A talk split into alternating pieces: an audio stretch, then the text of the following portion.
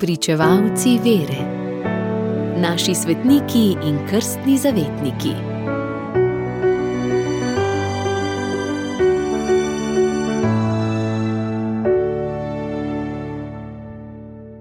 Pridite, blagoslovljeni mojega očeta. Bodo slišali o poslednji sodbi tisti, ki so v življenju izpolnjevali Jezusove zapovedi. Prejmite v posest kraljestvo, ki vam je pripravljeno od začetka sveta.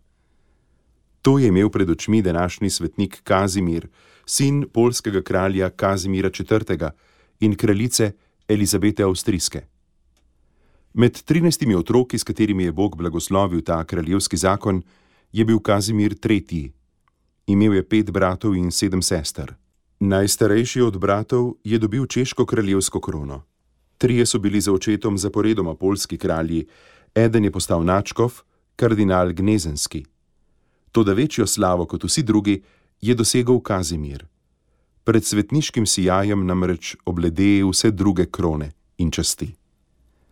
Luč sveta je Kazimir zagledal 5. oktober 1458. Najprej ga je vzgajala pobožna mati, ko pa je nekoliko odrasel, je prišel na dvor za učitelja in vzgojitelja duhovnik Janez Dlugoš, krakovski stolni kanonik in največji polski zgodovinar svojega časa. Pod njegovim vodstvom je Kazimir hitro napredoval. Rad in z uspehom se je učil, še posebno pa se je trudil za pobožno življenje.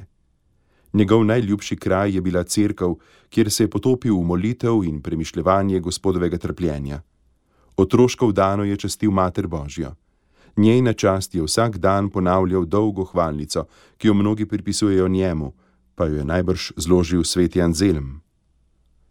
Začenja se z besedami: Dan za dnevom, s hvalnim spevom, čast Marije oznanjuj, nje dejanja, godovanja, duša radostno praznuj. Mariji je pred njenim oltarjem obljubil, da bo vse življenje ohranil deviško čistost. Ko je bil star komaj 13 let, so ga ogri, ki so se naveličali trde roke bojevitega kralja Matija Korvina, hoteli imeti za kralja, kakor je Čehom vladal Kazimirjev brat Vladislav. Na zahtevo svojega častihlepnega očeta je Kazimir z močnim vojaškim spremstvom odšel na Ogrsko. Toda kralj Matija je zato izvedel in se je z Moravskega, kjer se je vojskoval, hitro vrnil domov. Načrti, da bi Kazimir zavladal na Ogrskem, so propadli. Siju kraljevske krone se je Kazimir z lahkim srcem odpovedal. Vrnil se je domov in je bil svojim rojakom zgled pravega kristjana. Glas o njegovi zgledni pobožnosti in srčni dobroti je segel do najoddaljnejših vasi. Vsi so ga imeli radi. Če je kdaj posegal v politično življenje, je to storil samo v obrambo pravic vdov in sirot, revnih in stiskanih. V veliko žalost ljudstva je Kazimir že v mladih letih neozdravljivo zbolel. Kljub bolezni je še naprej živel spokorno.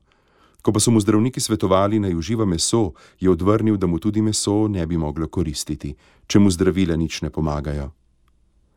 Umrl je na gradu Grodno v Litvi na današnji dan leta 1484 v 26. letu življenja.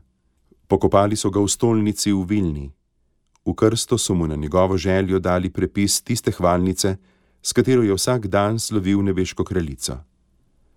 Leta 1522 je bil razglašen za svetnika. Poljaki in Litovci ga časte kot svojega narodnega zavetnika, posebno pa kot zavetnika mladine. Upodabljajo ga v polski narodni noši z lilijo, simbolom čistosti v roki.